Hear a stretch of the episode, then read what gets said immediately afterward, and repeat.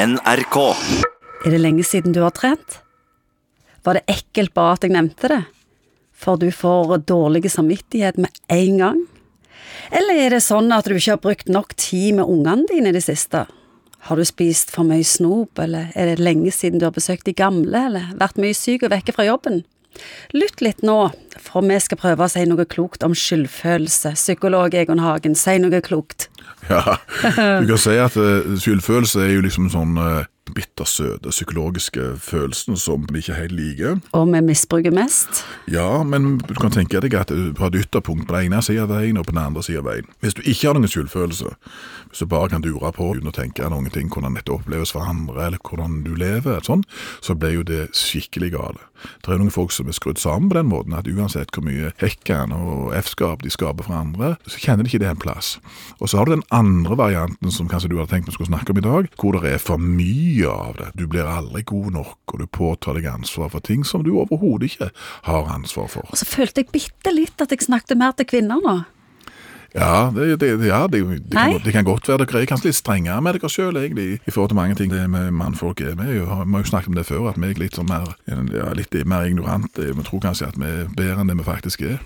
Men er det, er det litt tidsånden vi er fanga i nå, dette med skam og skyldfølelse, og at vi ikke er gode nok og flinke nok? Jeg tror dette er urting. Jeg tror det er viktige ting. Altså, folk uten skyldfølelse det er ikke noe spesielt bra. Hvis har du gjort ting gale, har du vært stygg med andre, har du vært hensynsløs, har du gjort ubetenksomme, kortsiktige ting, og så får du en erkjennelse av det, så tror jeg skyldfølelsen er der som en emosjonell del av den læringsopplevelsen. Dette kan du ikke fortsette med. Så skyldfølelse er, kan noen ganger være et indre korreksing vel, som, som jeg tror vi trenger. Så man må ikke, Selv om det er negativt og selv om det er ubehagelig, så skal vi ikke komme dit hen at vi ikke trenger det. Som psykolog så har jeg jo møtt dette spesielt i forhold til unger, kanskje yngre folk, som påtar seg ansvar for ting som de overhodet ikke har ansvar for. At eh, de kan ha vært utsatt for mange kjipe ting hjemme, eller de kan oppleve at foreldrene skiller seg. Og så er det den der litt unge tilbøyeligheten til å selvhenføre dette til egen atferd og egne intensjoner. Og da er det veldig viktig for oss i hvert fall, å prøve å hjelpe folk til å komme løs i forhold til skyldfølelse som ikke er deres. Det er ikke du som har gjort at faren drikker, det er ikke ditt ansvar. Du kan ikke påvirke det, og du kan heller faktisk ikke bære ei skyld for noe som ikke du kan kontrollere. Hvordan kan vi da skille mellom den gode eller dårlige skyldfølelsen, for å si det plumpt? Se deg sjøl litt ovenifra. Hva er hensiktsmessig? Altså, tenk litt sjøl. Når er skyldfølelsen en nødvendig indre linjedommer i forhold til hvordan du lever livet ditt? Og når er skyldfølelsen feilaktig? Når, når, Nå kommer han fra media eller andre foreldre som setter en annen standard. Ja, det kan jeg òg være utenfra. Jeg, jeg, jeg tror jo at når man blir eldre, så blir man flinkere kanskje å internalisere mange av disse tingene.